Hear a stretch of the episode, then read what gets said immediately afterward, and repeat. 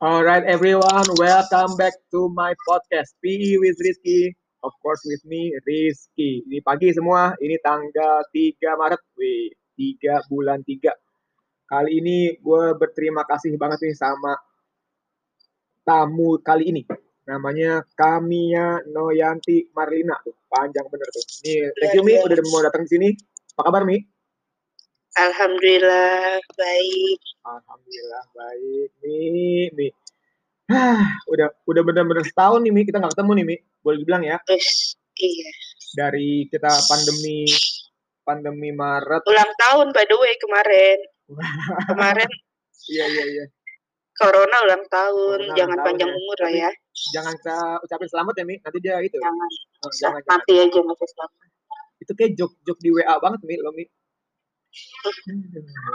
Eh Mi, sebelumnya gua turut berduka cita nih Mi atas meninggalnya ibunda tercinta lo nih Mi. Iya, Iya, terima iya. kasih banyak. Iya. Pak, ini Mr. Rizky nih yang tahu dari awal cerita-cerita uh, awal mulanya penyakit datang ya kan Ki ya Iya, banyak iya. banget sharing gitu sampai akhirnya lost contact gara-gara memang uh, work from home jadi kita emang lama udah nggak bercerita-cerita sih dan emang udah sih itu sih ngurusin nyokap gitu. Ya, gitu deh. Nih eh, tamu gue kali ini di episode berapa ntarnya ya? Ya gini deh, dia canggih ya. Maksudnya kalau gua kalau menurut gue sih yang namanya cewek kerja gitu, itu hebat lah menurut gue karena ya gue cowok kerja, ya gue ngerasain gitu ya. eh hektiknya di rumah gue kayak apa, tapi kalau cewek kerja tuh, wah gila, kayak menurut gue the best nih. Nah yang ini nih kali ini adalah juga one of the best eh, person nih gitu. Kalau menurut gue ya, cewek lu tapi, tapi jangan GR dulu Mi. Ini masih panjang nih Mi, obrolan kita Mi. Mi, ini eh kita mulai dari mana Mi ya? Kita mulai dari ini nih Mi. Lo, gue mau tahu nih Mi. Gue sebenarnya tahu Mi ya, lo lulusan mana Mi. Tapi nih selama gue ngajar di high school nih, aduh, sebut labelnya. Jadi deh, selama gue ngajar di sini, nih lo partner gue kelima Mi. Gue gue pernah nyobain teman yang dari Semarang, yang dari Jakarta gitu. Dan kali ini akhirnya dapat juga nih Mi, yang dari Bandung nih, yaitu lo nih. Mi, boleh ceritain dulu Mi, background lo nih Mi. Lo, kena- lo kuliah di mana, lo kenapa senang itu gitu Mi. Ya Mi, silakan Mi.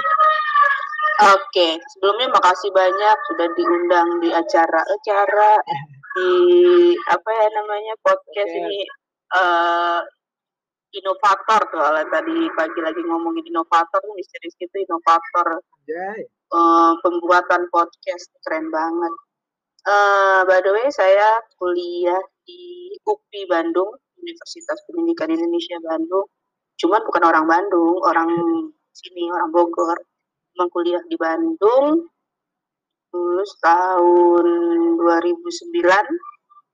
langsung kerja di beberapa sekolah sampai akhirnya bertemu dengan Mr. Rizky ini partner terlama saya itu sekolah juga ini alhamdulillah terlama yang tetap ya biasanya setahun desain setahun desain paling lama tuh empat tahun tapi sekarang alhamdulillah udah udah ada kelima jadi Hmm. istilahnya partner terlama dan sekolahan alhamdulillah terlama juga mudah-mudahan terus eh.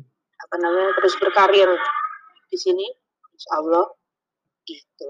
Jadi ya saya lulusan Universitas Pendidikan Indonesia Bandung jurusan Fakultas eh, Pendidikan Olahraga dan Kesehatan eh, majornya Sport Science atau ilmu olahraga. Kayaknya keren ya, sport science ya. Gue itu loh, gue emang masih sebenarnya masih sa- sampai sekarang pun mi sport science tuh gue iya keren banget sebenarnya mi keren di mata di di otak gue tuh Gila, keren ya Iya. ya bahkan saya pun eh, title-nya bukan sarjana pendidikan, bukan Hmm. sarjana olahraga, tapi sarjana sains. Sarjana sains, artinya sarjana ilmu olahraga, memang saintis banget gitu. Jadi eh, bukan pendidikan olahraga dan nggak salah lo mi gue undang di sini mi gue padahal nih PI mi ini penjaskes mi tapi eh, isinya scientist mi nih mungkin gue jadi terinspirasi nih mi buat undang-undang orang lagi ntar Mi, yang udah yang berlatar yang berlatar belakang sains yang mungkin bisa nyambung ke olahraga nah ini kan lo kebetulan banget nih ya, lo juga suka olahraga, pastinya dong orang lo ngambil di uh, di sport science gitu ya. Terus juga lo juga berhubungan dengan science kan. Ya hari gini nih science kan kayaknya penting banget ya buat di kita ya khususnya buat olahraga prestasi Mi. Mi, nih kenapa lo sampai masuk sini Mi? Lo sebenarnya apa ya Mi? Punya interest kah di sini ya bagaimana Mi? Ya, sebenarnya antara interest dan eh, nggak uh, sengaja itu sih. Jadi uh, kalau dibilang suka olahraga, saya suka banget olahraga dari kecil. Uh, dari umur lima tahun bahkan udah ikut bela diri, terus ikut uh, up untuk uh, olahraga di mana-mana. By the way, sebenarnya kebetulan banget uh, kebawa sebenarnya dari dari bapak itu. Mungkin seperti Mister Rizky nih Nana kan anaknya juga mungkin suka olahraga mungkin karena lihat seorang sosok bapaknya yang uh, olahragawan. Mungkin saya seperti itu cuman sayangnya bapak saya bukan olahraga. Cuma olahraga.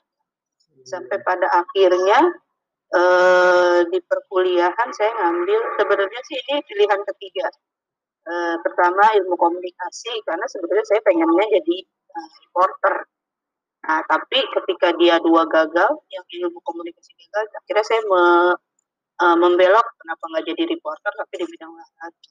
Gitu. Hmm. Jadi ambil olahraganya suka, tapi ngambil ke arah yang misalnya jadi reporter bisa, jadi jurnalis bisa. Jadi masih sebenarnya masih apa sih masih ada keinginan untuk itu dulu komunikasinya. Kenapa nggak uh, dipadu padan dengan yang namanya kopi kita olahraga. Oh, itu uh, gue pikir lo oh itu jadi ini ya alasan lo nggak ngambil yang major lain lo lo ngambil sport science tuh karena karena harapan satu masih bisa nyambung ke ke tadi yang tadi wartawan wartawan itu ya karena kan karena kan pilihannya kan iya. sebenarnya kan ada ini nih ya di dunia kita kan ada yang buat kayak gua nih mi yang gampangannya jadi guru penjas nih di PJOK itu nih ya PJKR kalau di gua namanya mi pendidikan yeah. jasmani, kesehatan dan rekreasi kalau gue kan. Terus sama yeah. pendidikan kepelatihan deh. Pelatihan, gitu. iya. Jadi uh, untuk yang mungkin yang mendengarkan ini agak-agak sedikit belum paham nih ngomongin apa sih, jurusan apa sih. Jadi gini, di Fakultas Pendidikan Olahraga dan Kesehatan kita punya tiga jurusan. Mungkin di setiap universitas berbeda Namanya. nama, cuman secara umum ada yang namanya uh, Pendidikan Jasmani, Kesehatan dan Rekreasi itu termasuk uh, di uh, diperuntukkan untuk orang-orang yang memang khusus menjadi guru olahraga. Lalu kepelatihan memang yang orang-orang yang ingin menjadi seorang pelatih olahraga ini biasanya di sini banyak atlet-atlet nih ya Mister Rizky atlet-atlet hmm. yang nantinya akan jadi uh, tadinya atlet akan menjadi pelatih. Nah yang ketiga ini yang mungkin masih belum banyak yang tahu yang namanya ilmu olahraga. Tapi beberapa universitas sudah ada sih sekarang jurusannya. Dulu tuh masih ada hanya di UPI belum ada di UNJ dan lain-lain. Tapi sekarang ada beberapa. Uh, di swasta juga dulu cuma ada Unisma Bekasi yang saya tahu. Cuma saya nggak tahu yang lain-lainnya. Hmm. jadi ilmu keolahragaan ini termasuk uh, jurusan yang masih baru sebenarnya masih baru dalam arti uh, mungkin yang pendiri-pendiri yang uh, buat jurusan ini tuh mikir mungkin pelatih hmm. udah ada, uh, guru udah ada, tapi di bidang olahraga kan sebenarnya uh, banyak faktor yang uh, yang bisa menunjang prestasi olahraga baik itu di bidang uh, pendidikan ataupun di jalur memang bidang prestasi. Nah, orang-orang itulah yang mungkin diciptakan di jurusan ilmu keolahragaan gitu. Hmm. Jadi jadi manajemen olahraga, jadi uh, fisioterapinya olahraga gitu. Selain memang sebenarnya di bidang kedokteran pun ada yang namanya fisioterapi olahraga. Di hmm. jurusan manajemen ada yang namanya manajemen olahraga, manajemen gitu. Tapi kenapa sih harus ada manajemen olahraga, harus hmm. ada namanya fisioterapi olahraga, harus ada yang namanya benar-benar dokter olahraga istilahnya begitu. Hmm. Nah, itu akhirnya dibuat seperti itu karena kalau orang olahraga itu kan tahu ya, tahu gimana sih uh, di bidang olahraga itu sendiri. Tapi kalau di manajemen, di kedokteran itu kan umum ya, misalnya umum hmm. dalam arti ya udah kedokteran dia mengambil dokter dokter tapi kalau misalnya kenapa nggak diperkhususkan untuk uh, olahraga itu sendiri gitu itu filosofi uh, tercetusnya kenapa sih ada jurusan ilmu olahraga. Asik dah. Gitu. Mi, Mi, uh, kalau dulu zaman gua kuliah tuh Mi, gua kan di UNY ya, Jogja ya. Di gua tuh anak-anak gue dibilangnya tuh saat itu yang sport science itu ikora mi ilmu keolahragaan mi nah itu tuh kebanyakan anak IPA mi lo juga mi di sana mi iya iya. Yang dulu SMA jadi memang sebenarnya jurusan ilmu keolahragaan ini adalah jurusan IPA hmm. sama ya? Jadi memang iya jurusan IPA karena memang eh, mata kuliahnya tuh emang banyak mengandung yang namanya sains itu, itu sendiri IPA hmm. itu itu uh, luar biasa kaget di awal sih sebenarnya. Mungkin ekspektasi saya kan namanya masuk olahraga kan uh, ya olahraga gimana sih main basket kayak gitu gitulah tapi hmm. ternyata justru olahraganya 30 persen Rizky yang 70 persen hmm, adalah ya? teori-teori kedokteran gitu kita belajar anatomi tubuh manusia kita belajar fisiologi tubuh manusia otot terus masas lalu uh, obat-obatan gitu. jadi lebih ke arah IPA banget gitu. Iya iya iya Oke deh Mi. Mi, lo kan tadi bilang lulus tuh di 2009 Mi ya? Iya. Iya Mi. Ya kan Mi? Uh, terus lo apa namanya lanjut langsung ngajar nih Mi. Lo ngajar di mana Mi? SD, SMP mungkin atau SMA malah Mi? Iya, kebetulan nih kalau masalah experience atau pengalaman ngajar ini saya tuh uh, udah mengalami ngajar di semua grade level misalnya. Dan itu oh, sesuai banget juga dengan entah ini kebetulan entah gimana. Jadi kebetulan pas lulus mungkin karena kita baru juga lulusan saya di TK. Terus nggak lama di TK saya tambah SD.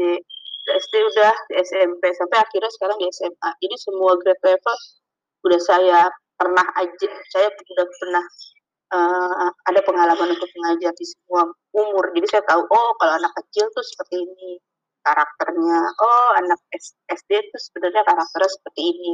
Khususnya di bidang olahraga. Gitu. Lo yang paling seru di mana mi? Kalau menurut lo mi? Setelah lo nyobain dari seru. bener, dari kecil banget ya? kalau untuk ya kalau untuk keseruan sih ya itu ya pengalamannya beda. Umur pasti kan beda yang namanya keseruan. Di TK seru lucu-lucu gitu. Tapi untuk uh, kita ekspor diri mungkin kurang karena ya karena cuma untuk memotivasi untuk main bareng gitu aja di hmm. SD juga uh, masih lucu-lucu terus mereka masih lagi semangat semangatnya tuh di SD main di luar hmm. olahraga gitu dari SMP Nah, udah bidang di mana kita udah bisa mengarahkan ke jalur prestasi, tapi mungkin hmm. halangannya adalah motivasi mereka udah agak menurun. Yang suka olahraga dan yang enggak kan udah terlihat. Gitu. Kalau SD kan masih semua aktif, gitu. SMP udah mulai, SMA apalagi. Gitu. Cuman untuk kefanan sih sebenarnya eh, dari TK udah fun, tapi untuk ke explore diri itu mungkin di lebih tinggi kita ngajar lebih di, lebih banyak kita belajar gitu sih jadi kuat ya lebih tinggi kita ngajar lebih banyak kita belajar luar biasa oh, poin pasti nih ya kita kan uh, belajar sampai akhir hayat kami ya gampangannya nih nggak kelar kelar nih sampai negeri Cina kan ya waduh yeah. China nih kalau sekarang bilangnya Tiongkok nih. nih, ini berarti boleh gue simpulin dong nih kalau lo tuh sebenarnya kalau mungkin yang paling berkesan buat lo mungkin yang malah di SMA nih.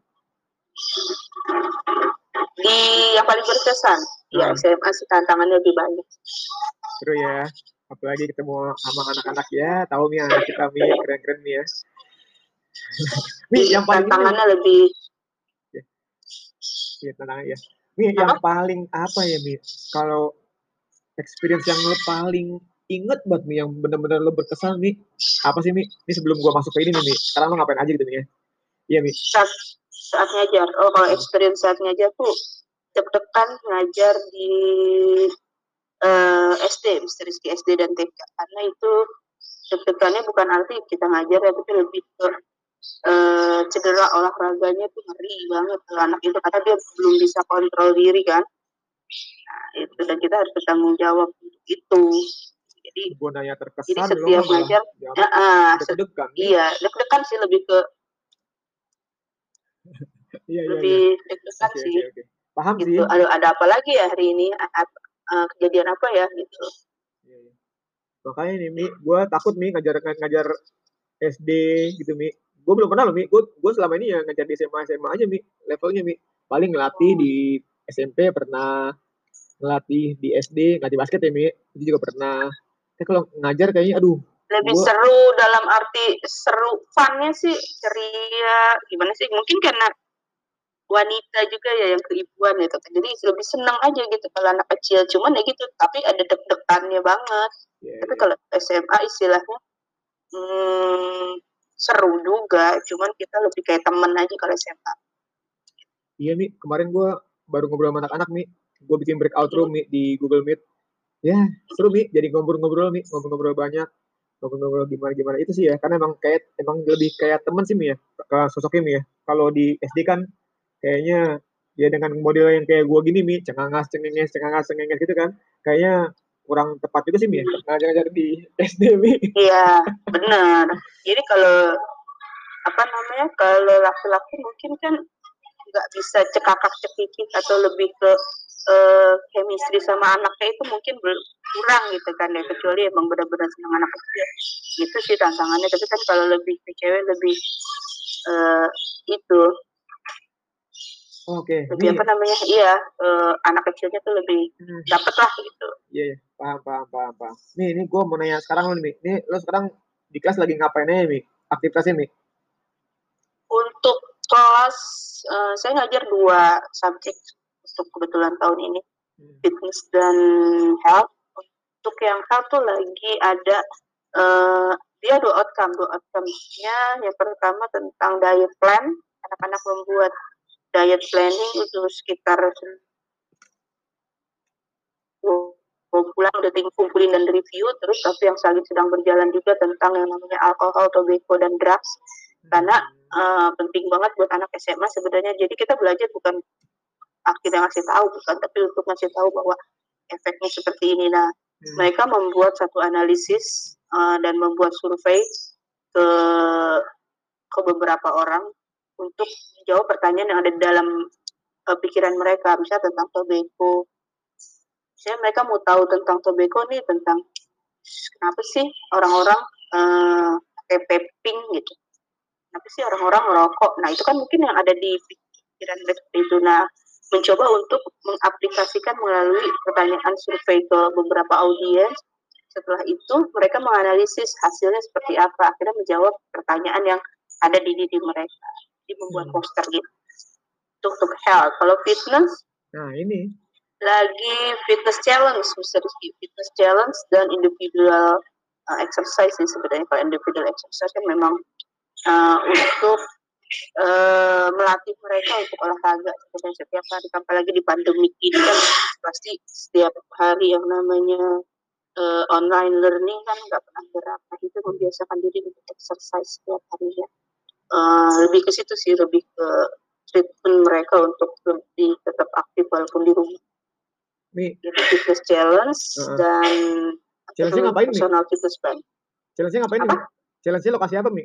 challenge challenge sih sebenarnya tergantung men-challenge diri mereka sendiri sih saya membebaskan mereka untuk memilih challenge nya misalnya mereka pengen challenge-nya lari misalnya mereka yang milih ya udah berarti hari pertama misalnya larinya cuma lima menit tambah 10 menit 7 menit sampai ke akhirnya sekitar dua bulan itu dapat berapa menit gitu. Challenge akhirnya harus diri mereka sendiri sih sebenarnya. Jadi nggak saya nggak nentuin challenge harus challenge ini nggak mereka yang nentuin sendiri.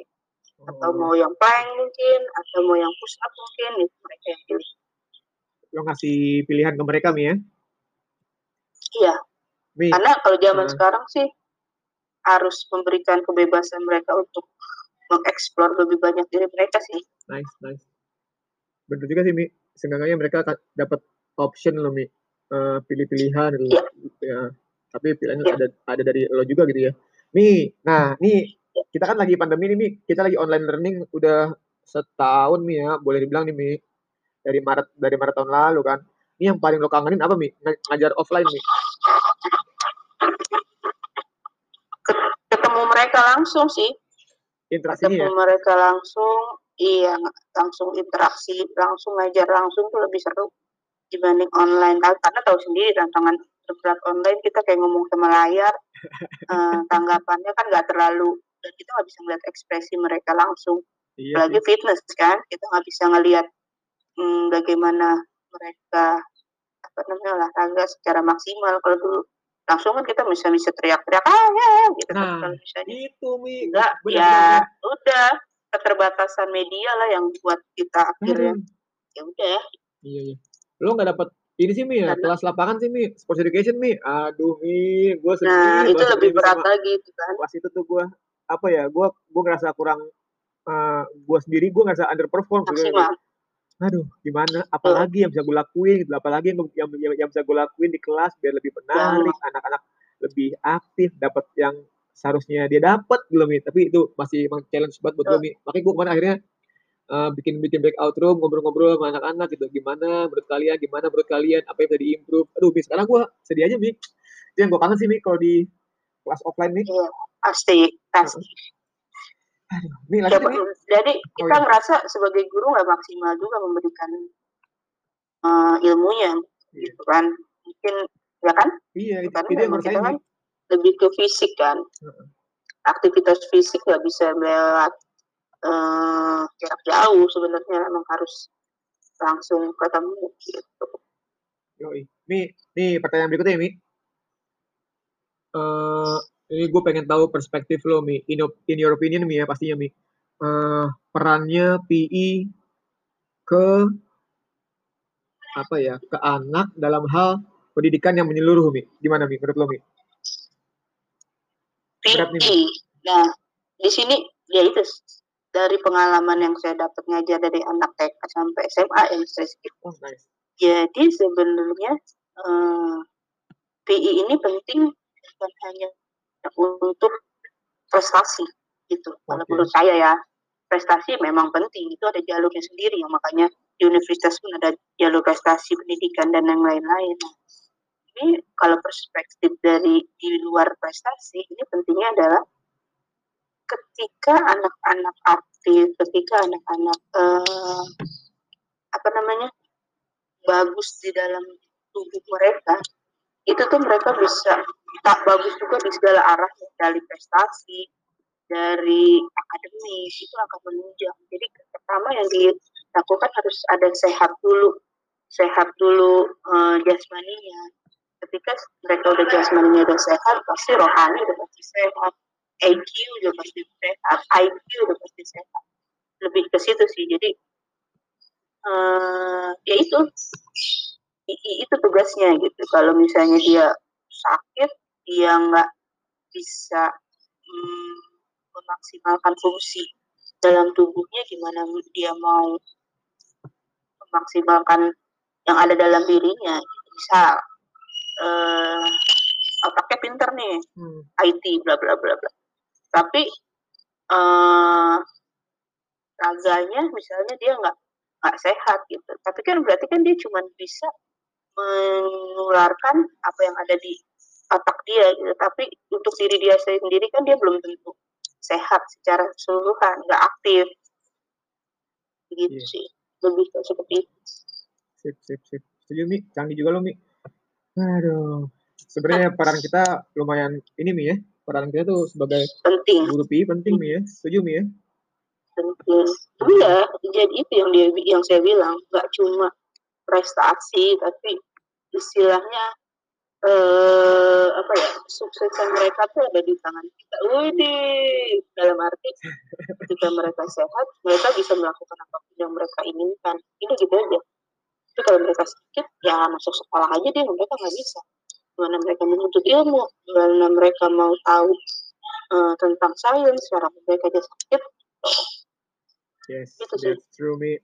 Totally agree. Mi, ini gue terakhir nih, Mi. Ini ada, hmm. ini soalnya udah mau habis waktu, Mi. Cepet banget, Mi. Udah 24 menit nih, Mi. Hmm. Mi, gue mau nanya hmm. tentang... Bisa ngobrol seharian. Satu periode, ya lah, gak cukup ya. Mi, eh, gue pengen tahu, ini kan lo guru, Mi. Terus juga lo juga orang tua ini apa sih mi uh, apa ya mi entah kendala entah ya keseruan di situ gitu mi terus sama kalian mi terakhir mi your hopes and dreams mi Ya. As a PE teacher and also as a mom mi silakan mi Oke, secara eh, PE teacher wanita ya. Heeh.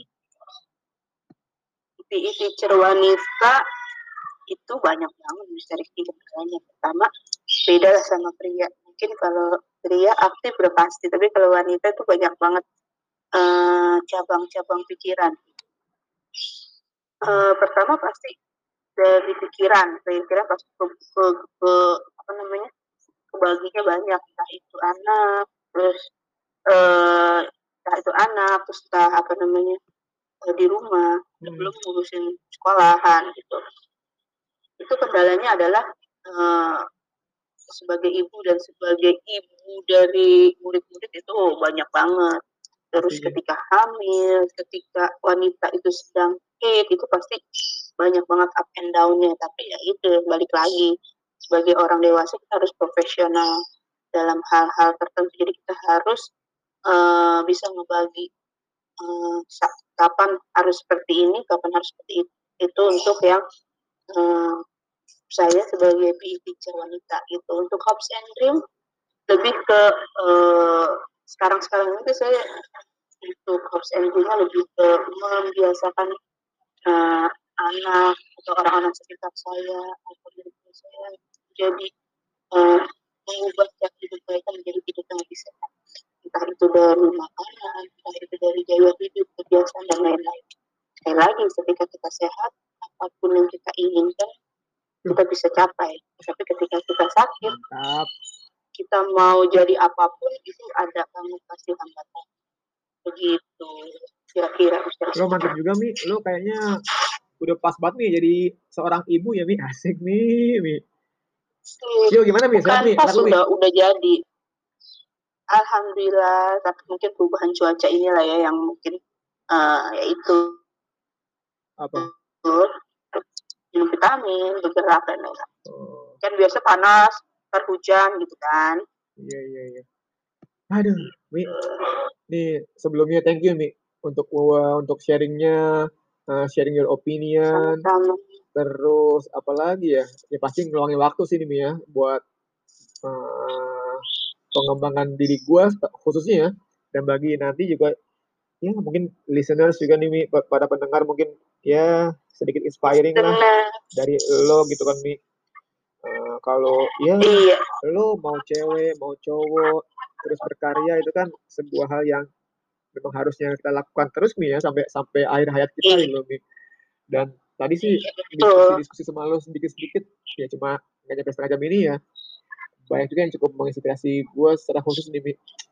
Gue jadi nggak mau kalah sama lo nih Mi. Aduh masa gue kalah sama lo? Mungkin gue menang sama lo di lagi kita 5k run gitu Mi ya. Lagi kita 10k gitu. Mungkin gue menang tapi di di sisi lain gue masih banyak banget sama kalah sama lo. Dan atau malah Wah. belajar dari lo nih Mi. Haris lo Mi. Ya begitu. Apalagi eh aduh sport science sih soalnya. Waduh berat banget emang deh.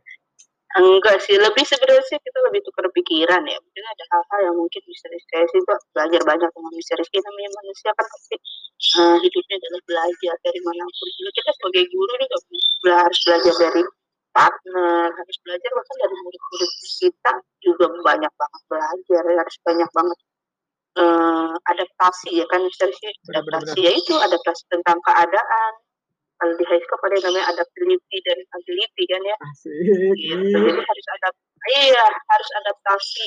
Sekarang nih kita ko- corona nih online nya ya udah kita apa yang bisa kita kasih buat murid-murid kita Oke deh. Gitu Nih. aja. thank you ya Oke gitu aja deh. thank you banget udah Sama-sama. datang di podcast gua ya semoga bermanfaat sesi ini Semoga ke depannya eh podcast podcast misteri sih bisa eh membuat banyak inspirasi dari berbagai orang-orang hebat pastinya amin amin yang amin bisa berbagi. Uh, jadi mudah-mudahan sih omongan ini cuma bukan omongan apa sih, ngomongin apa sih, gitu. tapi ada hal-hal yang mungkin bisa berguna lah yang bisa diambil sedikit aja. Gitu. Apalagi mengenai PI dan kesehatan ya. Iya, Terima kasih iya, banyak. iya. Ya, oke deh, makasih sudah mendengarkan. Thank you kami untuk hadir. Terima kasih. Bye. Ya, makasih semuanya.